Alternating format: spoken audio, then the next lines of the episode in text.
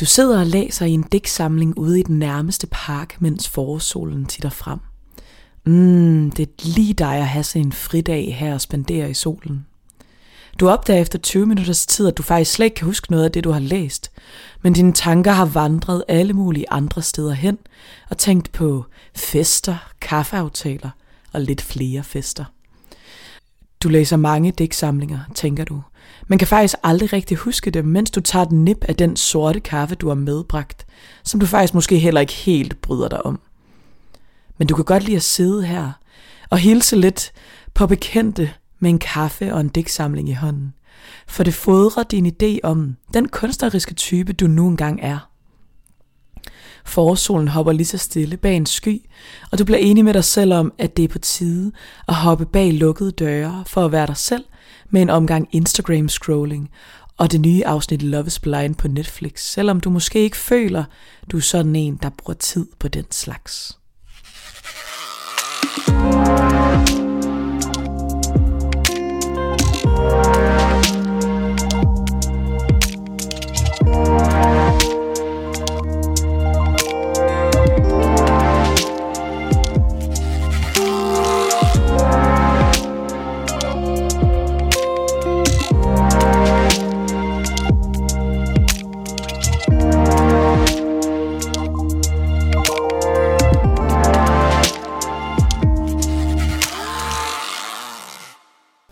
og velkommen til dagens afsnit af Sidestik. Vi skal i dag snakke om det der med at vurdere, hvornår er jeg mit mest autentiske selv, hvornår er jeg allermest mig, og hvornår føler jeg mig allermest in tune, har jeg lyst til at sige, med mig selv.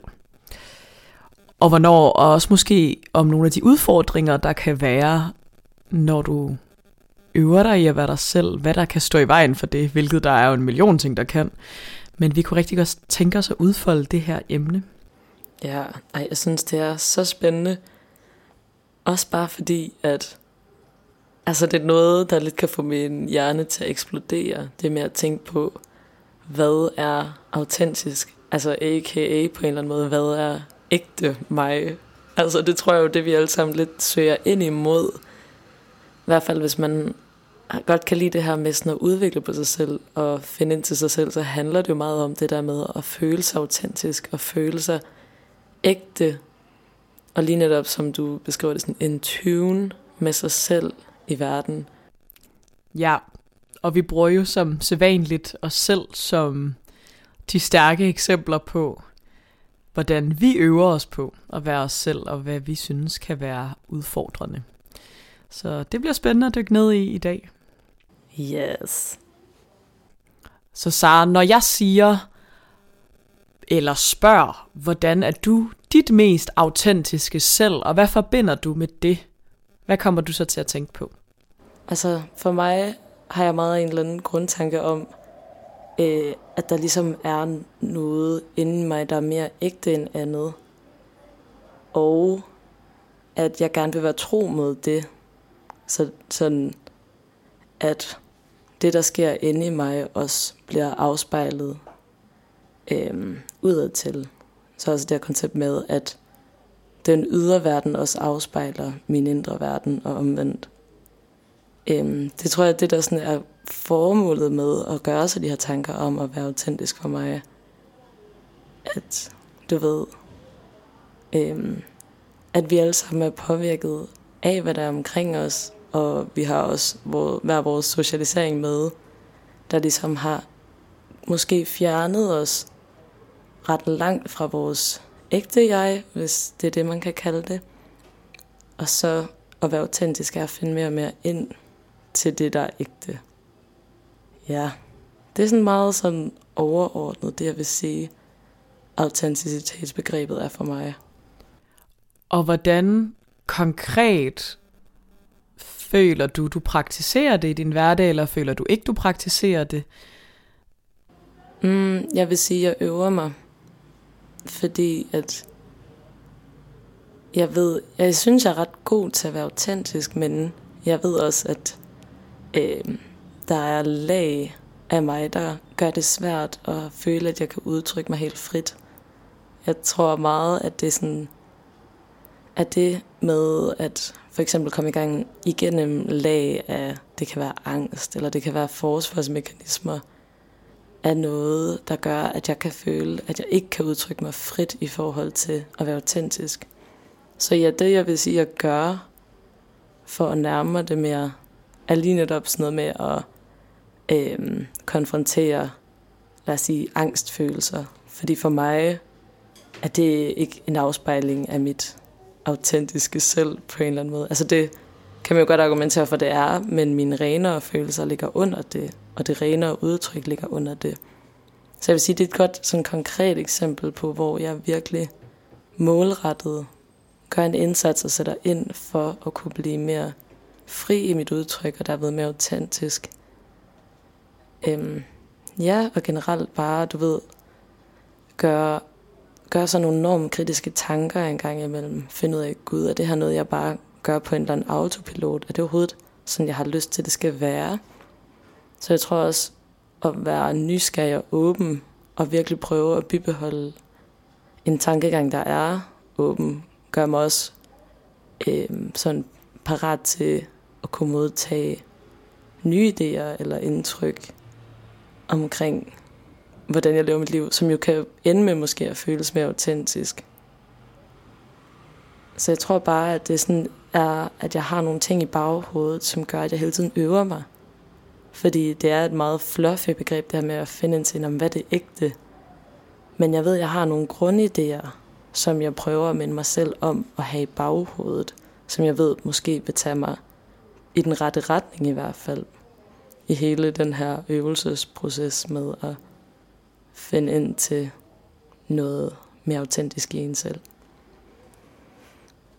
Ja, men okay, bare for også at få det på plads med, hvordan du så ser autenticitet, så vil jeg godt lige høre dig sætte nogle ord på, øh, hvad det betyder for dig. Altså, hvad skulle din hjemmestrikkede definition af autenticitet være? Og også, jeg lige netop sådan, hvis du kan komme med nogle eksempler på, om det er noget, du stræber efter eller øver dig på, og i så fald, hvordan du gør det, og måske finde ind til noget mere autentisk i dig. Det var et langt spørgsmål, så ja. Ja, skud Så skønt. Jeg skal forsøge at udfolde det. Jeg tror, at for mig, det at være autentisk handler meget om at være god til at være med, hvad der er lige nu og her, uden at kigge hverken fremad eller bagud. Hmm. Og så kan jeg, øh, og også netop, ja, at være, altså, have en stor grad af accept over for, hvad der er lige nu og her, både befinder sig følelsesmæssigt i mig, men også bare sådan fysisk omkring mig. Hvad er der lige nu? Det tror jeg er det, jeg forbinder meget med at være autentisk, for jeg tror, at en, en lidt en historie, jeg godt kunne komme til at fortælle mig selv inde i mit eget hoved om, hvordan jeg skulle være mere autentisk, det vil være øh, at have, altså at handle på forskellige måder, som, som er meget positivt lavet, eller sådan gængst typisk positivt lavet. Så at mm. når jeg griner, når jeg er glad, når jeg gør nogle dejlige ting, når jeg bare føler, at jeg er fuld af kærlighed til verden, at det har jeg nok i mit hoved idealiseret mig selv som, at det er jo, når jeg er mit mest autentiske selv. Og sådan kan det jo også godt føles, fordi at jeg får positiv respons på at være positiv og glad som oftest. Men jeg tror, at det der med faktisk at, at ikke lægge så mange ladninger, hverken positive eller negative, i hvad jeg gør, og hvorfor, og hvordan jeg har det med det, men rent faktisk bare øve mig i at lytte til det. Øhm, der er en rigtig dejlig psykolog, som jeg ser meget op til, der hedder Kissa Paludan, øhm, hvor jeg har været på et kursus, hun havde, og der fortalte hun om noget rigtig fint, som jeg føler er meget noget, jeg tænker over i forhold til det at være autentisk. Det er, at der er ligesom den her kerne, der er dig. og så oplever du alt muligt hele tiden, og får helt vildt mange indtryk, hvilket gør, at du bygger historier oven på den kerne. Og det gør vi mennesker, det, det er sådan, vi fungerer, for også at have erfaringer, og det der med at sætte ting i kasser, så vi bedre forstår, hvordan vi skal agere fra dag til dag, og ikke sætte spørgsmålstegn ved alt, hvad vi ser, alt, hvad vi gør hele tiden. Øhm, men jeg tror, det der med sådan at blive opmærksom på, når jeg oplever noget, og så måske bare være god til at kigge på oplevelsen, og være nysgerrig på den, i stedet for at være sådan, for eksempel nu hvis jeg, øh, hvad kunne et eksempel være, okay, jeg rærer aldrig min seng om morgenen, det har jeg, det har jeg gjort måske fem gange i mit liv, eller sådan noget. Øhm, og, og så, for det, det er jo egentlig en ret neutral ting, at jeg ikke rærer min seng hver morgen. Men det, at jeg ikke gør det, kan, godt, kan jeg også godt vælge at give en ladning. Jeg kan være sådan, og jeg redder ikke min seng hver morgen, jeg er mega tjusket. Eller, jeg redder ikke min seng hver morgen, jeg har meget vigtigere ting at give mig til. Eller, jeg redder ikke min seng om morgenen, fordi jeg er bare så smadret hver morgen, så jeg kan slet ikke overskue det. Eller, sådan, eller jeg redder ikke min seng, for jeg kan godt lide at være, eller sådan, jeg er lidt hurtig ud af døren, så jeg når slet ikke. Altså, og jeg kan, jo, jeg kan jo skabe alle mulige narrativer om, hvorfor jeg ikke rær min seng hver morgen. øhm, og jeg tror, ja, det er et virkelig mærkeligt eksempel, men jeg det var lige det, jeg kom eksemplet. Om. Jeg elsker det. Øhm, og, jeg, og jeg tror, det er det, jeg gerne vil øve mig på, og også føler, jeg øver mig på, det er netop ikke at skabe historier om mig selv i, i, i kraft af oplevelser. Og det gør man jo, eller det gør jeg, og det tænker jeg, alle mennesker gør. Men jeg tror, at det er en god øvelse at, at være opmærksom på, eller i hvert fald være opmærksom på de historier. Også fordi, at, og nogle gange er de jo også positive på den måde, at de underbygger noget, du godt kan lide, og giver dig mere selvtillid, eller mere selvværd, eller mere lyst til forskellige ting, fordi en anden historie kunne også være, eller sådan, det er, at jeg elsker at være sammen med mennesker, fordi at det er jeg helt vildt meget. Og så fodrer det jo ligesom en positiv tanke, hvilket også giver mig positiv feedback på, når jeg så er sammen med andre mennesker. Og så fodrer det jo hinanden på en positiv måde.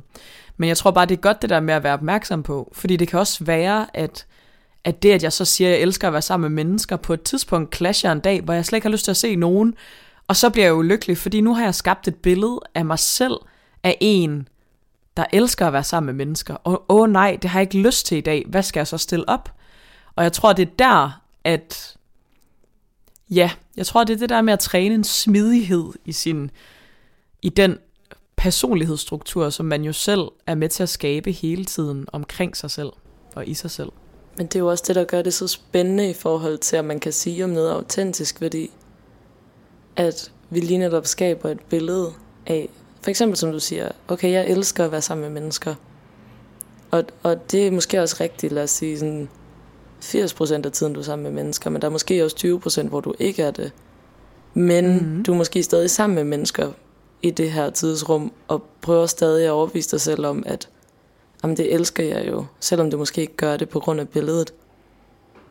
Men der kan jo være, altså sådan, er det så autentisk eller ej? Fordi man kan sige, det er jo noget, du gør, og måske ved du også, at lad os sige for eksempel, du så er sammen med et menneske, som er din ven, som måske har brug for hjælp, og du vil gerne hjælpe, og du vil gerne leve op til, lad os sige, en integritet om at hjælpe den her ven. Så selvom du måske tænkte, ej lige i dag var faktisk ikke min super menneskedag, men jeg vil gerne leve op til at være en god ven, fordi det er rigtigt, og det er et rent udtryk for mig, og det er ægte, fordi jeg gerne vil være der. Så kan man jo sige, at du går imod en følelse af, at du måske ikke gad sammen med mennesker den dag, men du følger en værdi, og så kan det være, at det egentlig ender ud med at være et helt rent udtryk, selvom grundfølelsen var, at du måske ikke lige gad at være sammen med nogen i dag. Det jeg kommer til at tænke på, når du siger det, det er, at for mig er det ikke sindssygt vigtigt, om mine handlinger altid er autentiske, men mere mit følelsesliv, og om jeg tager hensyn til det. For jeg tror, at, at vi kan ikke, det bliver for sindssygt, hvis man skal tænke over hele tiden om alt, hvad man gør, er autentisk afspejlende for ens selv. Fordi jeg tror også, at netop det der med, at man skaber de der historier og billeder om sig selv, jo også er med til at give et drive for sig selv. For eksempel, og jeg elsker at skrive, men hvis jeg hver gang jeg skulle skrive, skulle afgøre med mig selv, om det nu ville være autentisk for mig at gøre, så ville jeg fandme ikke komme nogen vegne. Men fordi jeg har skabt en historie af mig selv af, at åh, det elsker jeg at gøre, så får jeg det også gjort de dage, hvor jeg måske ikke synes, det var vildt fedt. Og så kan det godt være, at følelsen bagefter ikke nødvendigvis var sindssygt autentisk, men, men det fodrer stadig det positive system, jeg så har lavet omkring det at skrive, fordi jeg vil gerne være sådan en, der skriver. Men det er også derfor, sådan, der vil jeg jo næsten så kunne sige, at det jo faktisk kan være ret konstruktivt, og nogle gange være ret uautentisk. Hvis nu man sidder der sådan, om jeg har ingen motivation, men jeg ved, at jeg godt, altså jeg kan tænke mig til, at jeg er sådan en, der godt kan lide at skrive. Ja, jeg tror til gengæld, at den måde, jeg i hvert fald mærker det i min egen krop, og det kan jo være, at andre oplever det anderledes, når jeg formår at lige sætte mig kritisk i forhold til alle de historier og billeder og idéer, jeg laver om mig selv, og, og ikke prøver at sætte så mange tanker på, men bare sætter mig ned og sådan, hvad har jeg lyst til? Så er det faktisk altid lige præcis det, jeg har brug for, og der føler jeg altid, at jeg handler autentisk. Og så får jeg også for eksempel, nu ved jeg ikke lige skrevet, men det, det, jeg, det jeg har, egentlig har brug for, får jeg gjort. Og så kan jeg aldrig blive sur på mig selv over det, fordi at jeg rent faktisk mærket efter, men det er ikke alle dage, at jeg kan, eller i hvert fald ikke alle dage, jeg tager mig tiden til at skralde lagene af for at komme derind, hvor jeg kan mærke lige præcis, hvad jeg har brug for, og hvorfor. Det er heller ikke alle dage, at jeg føler mig modig nok til at gøre det. For jeg tror også, det er det der med, at, at det er også... Vi mennesker laver også alle de her historier som forsvarsmekanismer for os selv. Og det der med, hvis jeg hver dag skulle gå med det, der helt autentisk kom fra mig, det vil blive, altså, og det er det, jeg bevæger mig hen imod, håber jeg på, og føler, at jeg bliver bedre og bedre til.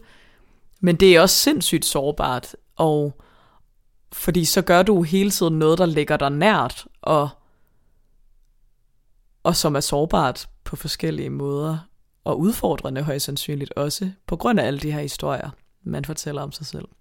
Men det er jo også spørgsmålet om, om man bliver bedre og bedre til at finde ud af, hvad der er autentisk, om, om hvad det overhovedet vil sige. Fordi jeg tænker også, et andet lag af det, som også er for sindssygt, hvis man skal være helt vildt autentisk hver dag med for eksempel også, selvom du sagde, det måske ikke afspejler det nødvendigt, men med handlinger, hvad man laver og sådan noget. Hvis man hele tiden skal tænke over, om det er autentisk. Altså det tror jeg også bare fodrer ind i en overtænkningstendens, som faktisk nødvendigvis mm. overhovedet ikke er særlig autentisk. Der tror jeg, at så kan jeg meget bedre lige at finde tilbage til tanken om, det du nævnte mere i starten med, at finde ind til, hvad lige nu og lige her? Altså sådan, så det ikke skal handle om sådan, det, jeg laver hver dag, eller det, jeg gør. At det er autentisk, men lige når der bare sådan have en mere meditativ tilgang, som du beskrev i starten, kan jeg meget bedre forholde mig til at ligesom tage pusen ud af det. For jeg tror, jeg netop kan komme ind i det der overtænkningsspænd med, hvem er jeg, hvad vil jeg? Og det er jo nogle Altså, mm. det er nogle gode spørgsmål at stille sig selv for at kunne leve et meningsfuldt liv. Men jeg tænker også, at som du også siger, det er også for sindssygt at skulle tænke sådan om alt, man gør og tænker. Altså, det, det bliver man jo også bare helt skør i. Ja, og jeg tror netop også, også fordi det ikke er så gængs en måde at tale på, altså, og det er jo bare ord, så det kan jo man jo bare have modstand på, men jeg tror det der med, hvis jeg hele tiden sagde ind i mit eget hoved, er det her autentisk mig, så kommer jeg jo stadig til at koble det op på en historie om mig. Altså det er sådan, det, så kommer jeg til meta at tænke over, når man er det her mig, afspejler det den, jeg gerne vil være. Og det bliver alt for stort. Så jeg tror, at den måde, man bedst kan øve sig på, i at være autentisk, er meget mere simpel. Det er meget mere sådan en, Nå, nu gør jeg, Nå, hvad skal jeg gøre? Okay, jeg kunne gøre det her. Mærk efter i maven, eller hjertet, eller kroppen, hvor, det lige, hvor du mærker efter. Føles det her rigtigt lige nu? Nej. Okay. Så siger jeg bare nej. Og det der med faktisk at, Og så tror jeg netop, det er der, at vi har alle de her sociale konstruktioner af, åh oh, nej, men jeg kan jo faktisk ikke sige nej, fordi de forventer, og jeg føler også, at jeg skal være sådan en, der lever op til andre folks forventninger i forhold til det her. I stedet for bare at være sådan, det føles ikke rigtigt. Jeg siger nej. Videre til næste følelse. Nu var jeg med det. Ja, altså du ved, fordi jeg tror, det er også den måde, man kan være allermest kærligt og godt i livet og få de bedst mulige oplevelser. Det er netop ved at søge autenticitet, men det gør, men, men at søge autenticitet handler ikke om hele tiden at være på sit metaplan af, hvor du tænker over det, fordi det bliver alt for stort, og, og det tror jeg, jeg kender i hvert fald fra mig selv, både sådan relationelt, hvad jeg ønsker mig, og også karrieremæssigt, hvad jeg ønsker mig. Det er jo det der med, hvis jeg hele tiden gør det kæmpestort, og hvordan kommer jeg tættest ind på min identitet som karriereperson, eller som ven, eller som romantisk partner, whatever, så bliver, bliver jeg netop ikke autentisk, fordi at så skaber jeg de her historier om, hvem jeg skal være, hvorfor, og hvad jeg ønsker mig, og drømmer mig væk i en verden, der ikke eksisterer, i stedet for bare, at i dag er det søndag, og lige nu sidder jeg op til at podcast, og det har jeg lyst til. Punktum. Og så behøver jeg ikke sige mere, altså det er sådan, så behøver jeg faktisk ikke fodre det hverken mere eller mindre. Og det er helt fint. Nej, det er virkelig rigtigt. Ja. Og jeg kunne virkelig godt lide den måde, du beskrev det på. For altså, det var meget sådan, jeg tænkte bare, det var bare ren intuition. Det er jo virkelig at bare stille ja. skarpt ind på, Nå, min mavefornemmelse siger mig det her. Ikke at den altid er ret, men det er vores urhjerne, der har, har samlet en kollektiv viden, som måske man skulle lære at lytte til den nogle gange. Ja, og altså, jeg tror i hvert fald, det der med netop, og jeg synes altid, man skal lytte til den, og så nogle gange stille et spørgsmål også bagefter, fordi at yeah. vi jo netop er formet ud af vores oplevelser, og hvis der er noget, vi gentagende gange har gjort, fordi for eksempel nu, mm, det er ikke lige mig selv, men hvis jeg nu lige havde haft en million kærester, hvis jeg havde haft fem kærester, og de alle sammen havde været mig utro i løbet af vores forhold, og, øh, og så var jeg sammen med min sjette kæreste nu, og jeg, uh, jeg kan slet ikke, jeg synes det er så farligt, at at skulle lade den person gå ud fredag, fordi jeg har en så dårlig erfaring med, hvad det har gjort ved mig tidligere. Hmm. Og det er jo der, hvor man er sådan, okay, men det kommer jo af nogle erfaringer, du har gjort dig, at du er blevet såret, men det er faktisk ikke noget med den her person at gøre, den her følelse, der bor inde i dig. Og jeg tror, det, det, det er der, man sådan skal mærke efter det der med, når man får de der impulser, det gør man jo også på baggrund af en erfaring af noget. Ja, og igen, det bliver jo igen en fortælling, der sker, og en overtænkning. Ja. ja. Og det er jo også lige netop det, du siger med, at så er det jo også godt at lige sådan tænke en ekstra gang. Altså, det, jeg tror, det er sådan det spørgsmål, jeg hellere vil stille mig selv, i stedet for at gøre det så stort som, at det er det sande jeg, eller er det min, mit ægte udtryk så tror jeg, at det spørgsmål, jeg stiller mig selv ofte er sådan, okay, er det mine ægte følelser eller forsvarsmekanismer og angst? Fordi jeg ved, at ja. der er noget under angst og forsvarsmekanismer, som er mere rent. Og det kan også være følelser som vrede og foragt, men det kan være et meget renere udtryk end for eksempel angst. Og det er også det, du siger med, at lad os sige, den her person, som har været udsat for at være, at hendes kæreste har været en utro, det er jo også ud fra angst. Ja. At man ligesom bliver så overbevist om, at det vil ske igen, og at hele den her fortælling er sand. Og det kan den jo også godt komme til at være, hvis nu... Altså, personen kan jo sagtens komme til at være utro. Men lige i det øjeblik har det jo ikke noget med den anden at gøre. Det har jo noget at gøre med overtænkning, og det har noget at gøre med forsvarsmekanismer. Og det er sådan, jeg tror, det er i hvert fald der, hvor jeg bedre sådan kan forholde mig til autenticitet. At jeg virkelig gerne vil prøve at nå ned under nogle af mine forsvarsmekanismer.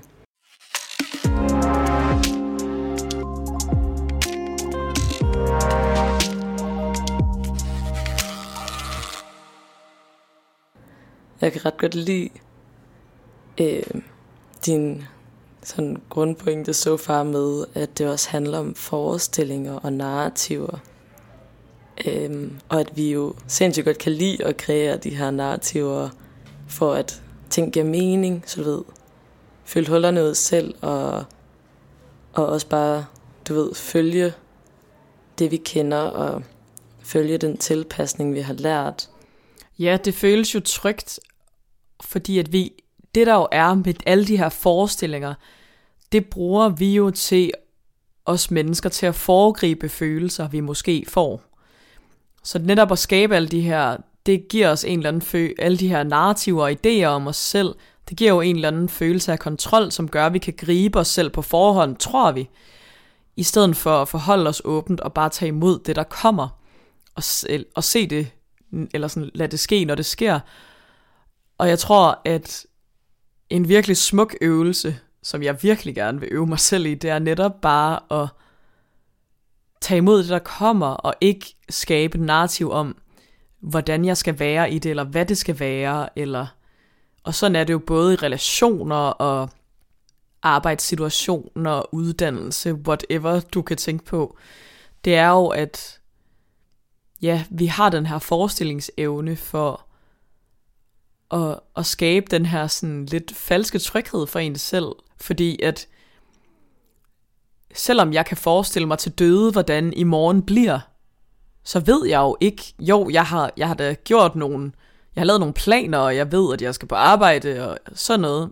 Så jeg ved sådan cirka, hvad jeg kommer til at opleve, men jeg kan aldrig 100% vide det. Jeg kan faktisk ikke engang, altså jeg kan nærmest ikke engang, måske 10% vide det. Fordi at min dag bliver også formet af, hvem jeg går ud og møder, og hvad jeg, hvad jeg giver mig til. Og det tror jeg bare, ja, det, det er sundt at sætte spørgsmålstegn ved de forestillinger, vi laver, og, og også hvad for en tryghed, vi føler, at det giver os at, at være sådan. Fordi jeg tror, at vi har jo vildt meget nogle fortællinger om os selv, der gør det trygt for os også at blive ved med at fodre den måde at være på. Og det er virkelig sundt at sætte spørgsmålstegn ved en gang imellem. Ja, for jeg tror, altså lige netop også at identificere, hvor de her forestillinger kommer fra, om det er nogen, man vil have med sig, altså i forhold til opdragelse for eksempel. Gud, er jeg bare opdraget til at tænke sådan, eller til at føle, at det her er vigtigt, selvom det måske overhovedet ikke er det. Og lige netop også kunne se bag ved den bekvemmelighed, altså at have lyst til det, det er jo også en stor del af det. Fordi det er jo bekvemmeligt at bare gøre lidt det, man kender. Men det er så spændende, hvad der ligger på den anden side jo. Det kan man argumentere for, ja. At det kan være. det, ja. ja, det er selvfølgelig ikke garanteret. Ja, jeg tror, det der med, at vi jo i det samfund, vi har skabt os, er omringet af uvisse faktorer hele tiden, og vi og et vilkår for at være menneske, at der er så mange uvisse faktorer hele tiden.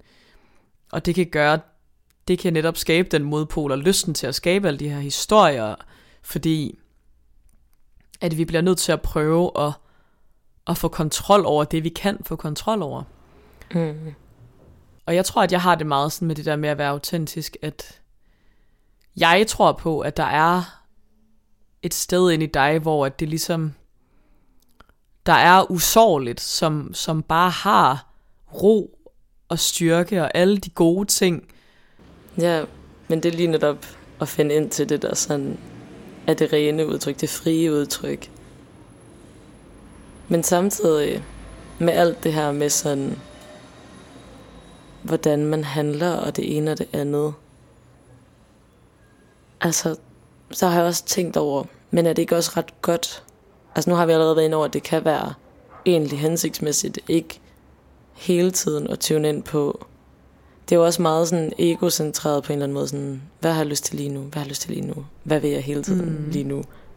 Øhm, og at vi også ligesom adapter til andre, fordi det tænker jeg i hvert fald, at vi jo gør som sociale væsener, så tilpasser vi os. Og vi har roller, og vi har Måske endda forskellige masker, vi kan tage jer på. Og om det egentlig ikke også er en god ting, at okay, det der er autentisk for os, kan være måske mange ting. For når vi snakker meget om, at der er et eller andet, der er noget fast, autentisk, én ting. Men jeg tænker, vi har jo en milliard potentialer for alting. Og kan det ikke også være lige så autentisk, selvom udkommet kan være så mange ting? Jo, helt sikkert. Altså, det er jo heller ikke fordi, at jeg tænker, når man sidder derhjemme og tænker, mm, hvad skal jeg? Så er der kun et rigtigt svar på, hvad der er det bedst mulige at gøre for mig. Det er jo ikke på den måde. Jeg tror til gengæld ikke, at jeg synes på den, eller jo, selvfølgelig er det egocentreret på en vis, det kan man argumentere for, men jeg tror ikke, jeg ser det som egocentreret, fordi jeg, jeg meget tror på, at jo bedre vi mennesker bliver til, og det er ikke fordi, jeg har et sindssygt godt belæg for det her, men jo bedre vi mennesker bliver til at lytte til, hvad vi har brug for i momentet,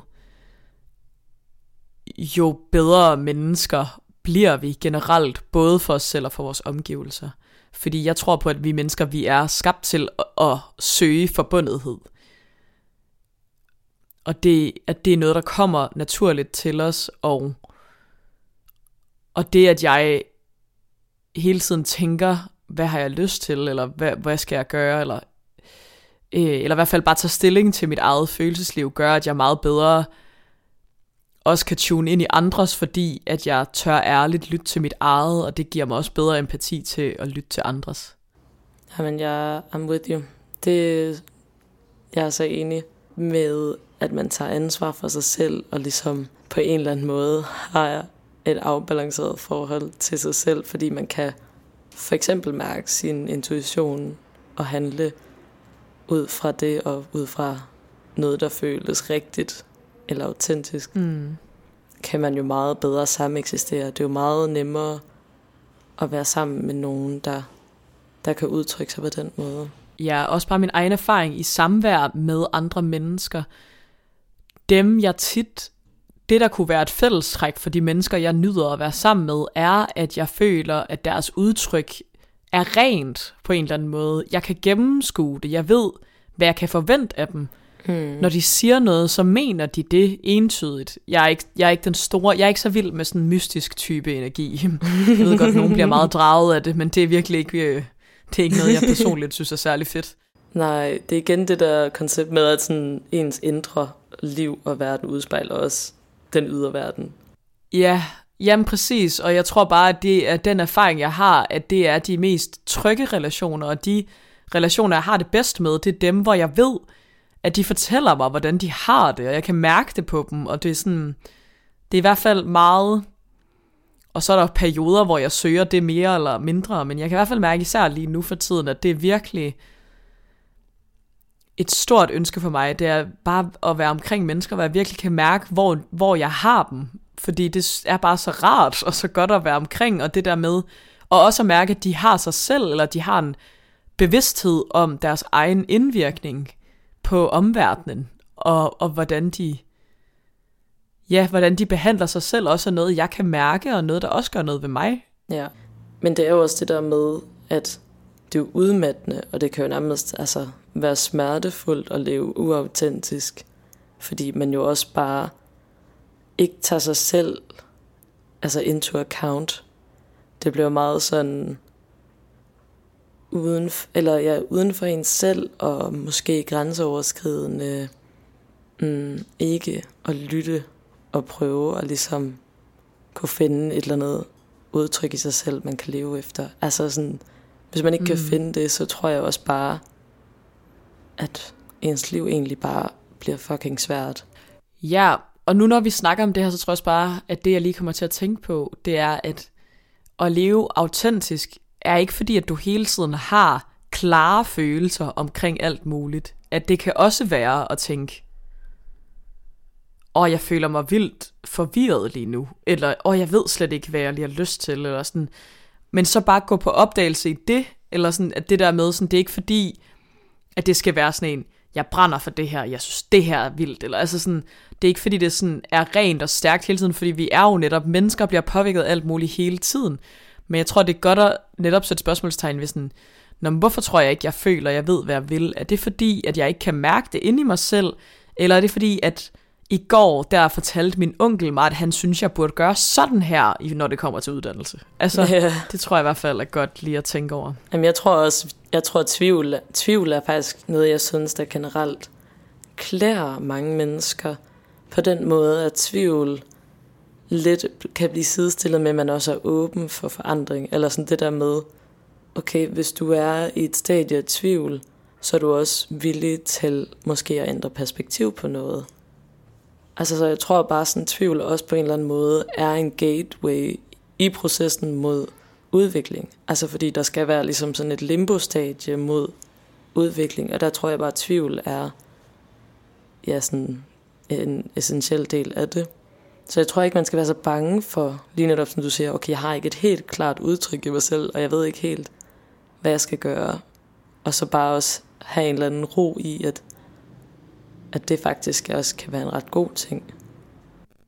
Ja, øve sig i at have lige så stor accept i det moment, som i mm. hvilket, andet, hvilket som helst andet moment, at ej, var det dejligt, jeg er mega glad, men det er også, det er jeg også, og det accepterer jeg, men jeg accepterer også, at jeg ikke ved, eller jeg er i tvivl, eller jeg er bange, at det er også, det er også en måde, føler jeg, eller tænker jeg, at være autentisk på. Det er også bare at være med, når det, når det ikke er noget håndgribeligt. ja.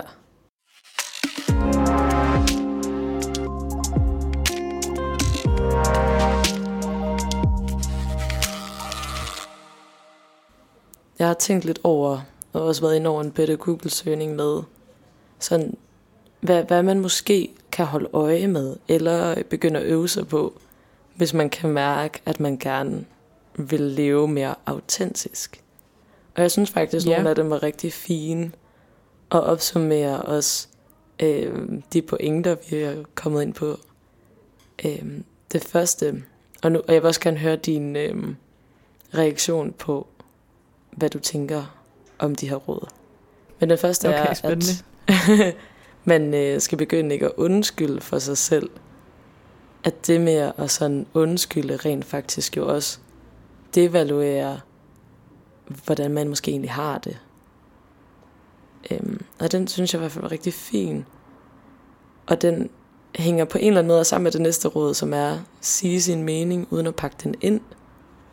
Og her betyder det jo ikke, at man skal være uhøflig, men lige netop igen, at du behøver ikke ja, sådan skulle undskylde for din mening. Øhm, og et tredje råd er, være sårbar og dele ud af sig selv. At det kan også være en måde at være autentisk. Så er der drop hvide løgne. øh, og kende sine kerneværdier. Det var øh, Googles svar på, hvad man kan øve sig på, hvis man vil være mere autentisk. Jamen, jeg føler jo, at de emner med, der handler om at tale frit og sige sin mening og ikke undskylde for sig selv, nærmest er de råd, jeg gav dig i telefonsamtale lige inden vi begyndte at optage den her podcast. Så på den måde kan man jo sige, at jeg er forholdsvis enig. Ja, øhm, det er meget full circle moment det her. Fordi vi havde ja, nemlig en samtale, hvor jeg lige havde brug for at høre de her ting. ja, præcis. Ja, så jeg synes jo, det giver helt vildt god mening. Hvad var den sidste ting, du sagde? Kende sine kerneværdier. Ja, og jeg tænker faktisk det der med at finde sine kerneværdier, fordi jeg tror, at den måde, man mest muligt bliver sit autentiske selv på, som jeg er kommet ind på i løbet af det her afsnit, det er jo netop det der med at ikke tage det op på den helt store klinge hver dag. Men dermed ikke sagt, at jeg sy- ikke synes, at det er en virkelig, virkelig fed refleksionsøvelse og at bruge det der med, hvad er mine kerneværdier? Og det kan også være inden for forskellige områder i dit liv.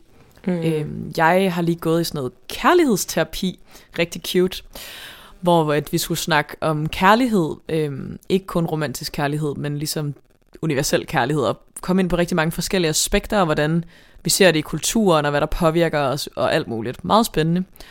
Og der skulle vi nemlig også beskrive vores værdier inden for det her område, og så bagefter, hvor meget vi efterlevede de her værdier. Og der tror jeg, at det er i hvert fald en øvelse, jeg synes var sindssygt spændende, og elsker at lave en gang imellem, inden for forskellige aspekter af mit liv, så det behøver måske ikke være sådan en overordnet, men måske mere sådan en, så kan det være, at man laver en for, hvad er det gode hverdagsliv? Hvad, hvilke, kerne, hvilke kerneværdier har jeg, når det kommer til min hverdag? Hmm. Er det, at, jeg, at du ikke vil have travlt? Er det, at du gerne vil have sindssygt travlt? At du vil nå så meget som muligt? Eller er det, at du har brug for to timer til dig selv? Altså det er sådan, for eksempel at tænke det, så få det ned i noget konkret. Men ligesom at tage det der sådan overvejelser der, synes jeg virkelig er en god vej til at blive mere autentisk, fordi bare det, jeg føler, altså for mig, føler jeg allerede, der sker noget på energiplan, når jeg begynder at udtrykke mine behov, eller begynder at reflektere over, hvad der er vigtigt for mig. Fordi så putter jeg det jo frem i mit hoved, netop skaber en historie om, hov, hey, det her er vigtigt, og så begynder jeg at blive bedre til at efterleve det.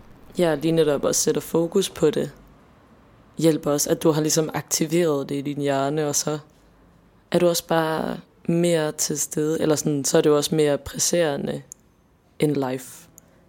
Det plejer også at hjælpe på, at man kan sætte skub i lidt udvikling. Men jeg ved ikke, jeg synes, den var meget sådan fin, og til nogle tider, så ved jeg ikke, om jeg er helt enig med sådan, og det, det er måske mig, der tager fejl her, men sådan del ud af sig selv. Altså, det kan være autentisk, men det, det føler jeg virkelig, man kan gøre på mange måder. Den tror jeg var meget sådan, hvad nu hvis det er autentisk for mig, bare overhovedet ikke at dele noget. ikke at det jo, altså jeg har det, altså podcast, you know, men, men det tænkte jeg bare over, hvis man nu synes, at det egentlig ikke Nej, det ved jeg ikke. Den tror jeg bare, jeg sådan tænkt over. Jeg tror, at... Men nu bliver det jo bare en holdning. ja. Jeg føler, at det, det er godt for alle mennesker at dele ud af sig selv i en eller anden grad. Mest fordi, at netop det der med, hvis du kun er med dig selv og dine egne historier om dig selv, og aldrig nogensinde forsøger at spejle det i andre mennesker, så tror jeg ikke, du er særlig nice at være sammen Nej. med. Og, og jeg tror heller ikke, du, du kommer heller ikke til at træne din empati særlig meget i kraft af, at du netop ikke bliver konfronteret med andre mennesker. Og det tror jeg bare er en virkelig vigtig måde at eksistere på, det er, at man sætter sig i relation til ting og andre mennesker og i relationer især. Ja, jeg tænker egentlig, der har du ret. Ellers når jeg tænker videre over det, så er det jo også sådan, at vi bliver skabt, eller sådan den måde, vi er på, og det har vi jo også sagt, at vi bliver formet af vores omgivelser af andre mennesker, så vi bliver på en eller anden måde også i relation med andre og med et fællesskab. Så sådan på den måde, så tror jeg ikke, at vi vil være nogle særlig nice mennesker heller, eller særlig autentiske, hvis ikke vi kunne anerkende og værdsætte, at vi bliver også skabt i relation med andre. Ja, og nogle gange kan det være en rar måde at mærke på, hvor du selv er med noget, netop at få lov til at sige det højt, fordi selvom at det andet menneske måske er uenig i, hvad du gør, så kan det godt være, at det netop er det, der gør, at du bliver bekræftet i, at du gør det rigtige for dig. Mm. True. Ja, men øhm, dejligt lige at runde af med nogle råd også, til så kan man jo tage dem, eller lade være. Det følte jeg lige, jeg havde brug for i hvert fald selv, så det vil jeg lige passe yeah. them on in the system. Ah, men det er så godt. Skønt. Men øh, jeg synes, det her var en god, dejlig, fluffy snak at have sådan en for mig søndag aften og for dig søndag dag. ja. øhm, ja. Det var en dejlig snak. Ja, det var en dejlig snak. Det var det sidestik for denne gang, og dine værter var Digte og Sarah.